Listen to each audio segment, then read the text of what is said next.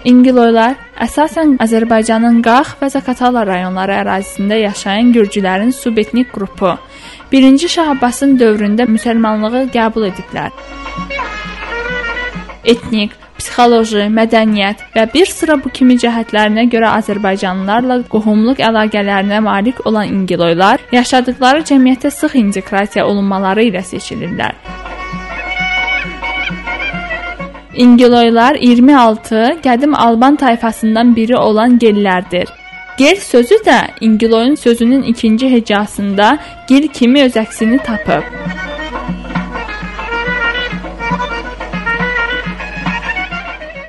Böyük Qafqaz dağlarının dağ ətəyi bölgəsində yaşayan İngiloyların əsas məşğuliyyəti tütünçülük, taxılçılıq, üzümçülük, gəzəkli meyvəçilik və heyvandarlıqdır.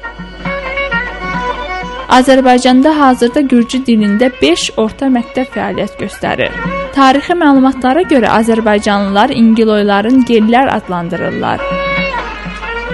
Qax rayonunun İlusu kəndindəki İngiloyların gellər, Avar tərəfindən Geloylar, Zaxorlar tərəfindən Gelovlar adlandırılması ona əsas verir ki, İngiloy etnonimi Azərbaycanca yeni gellər sözlərinin birləşməsindən yaranıb. Gellər komponenti qədim gel etnonimi ilə əlaqələndirilir.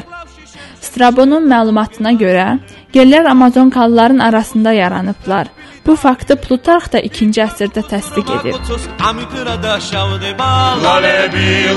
Gellərin Qafqaz dağlarında və yaxud Şimali Qafqazda yaşadıkları söylənilir.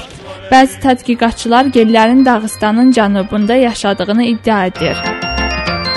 İngiloyların əcdadları Albaniya vilayətinin ərazisi olan Eretidə yaşayıblar.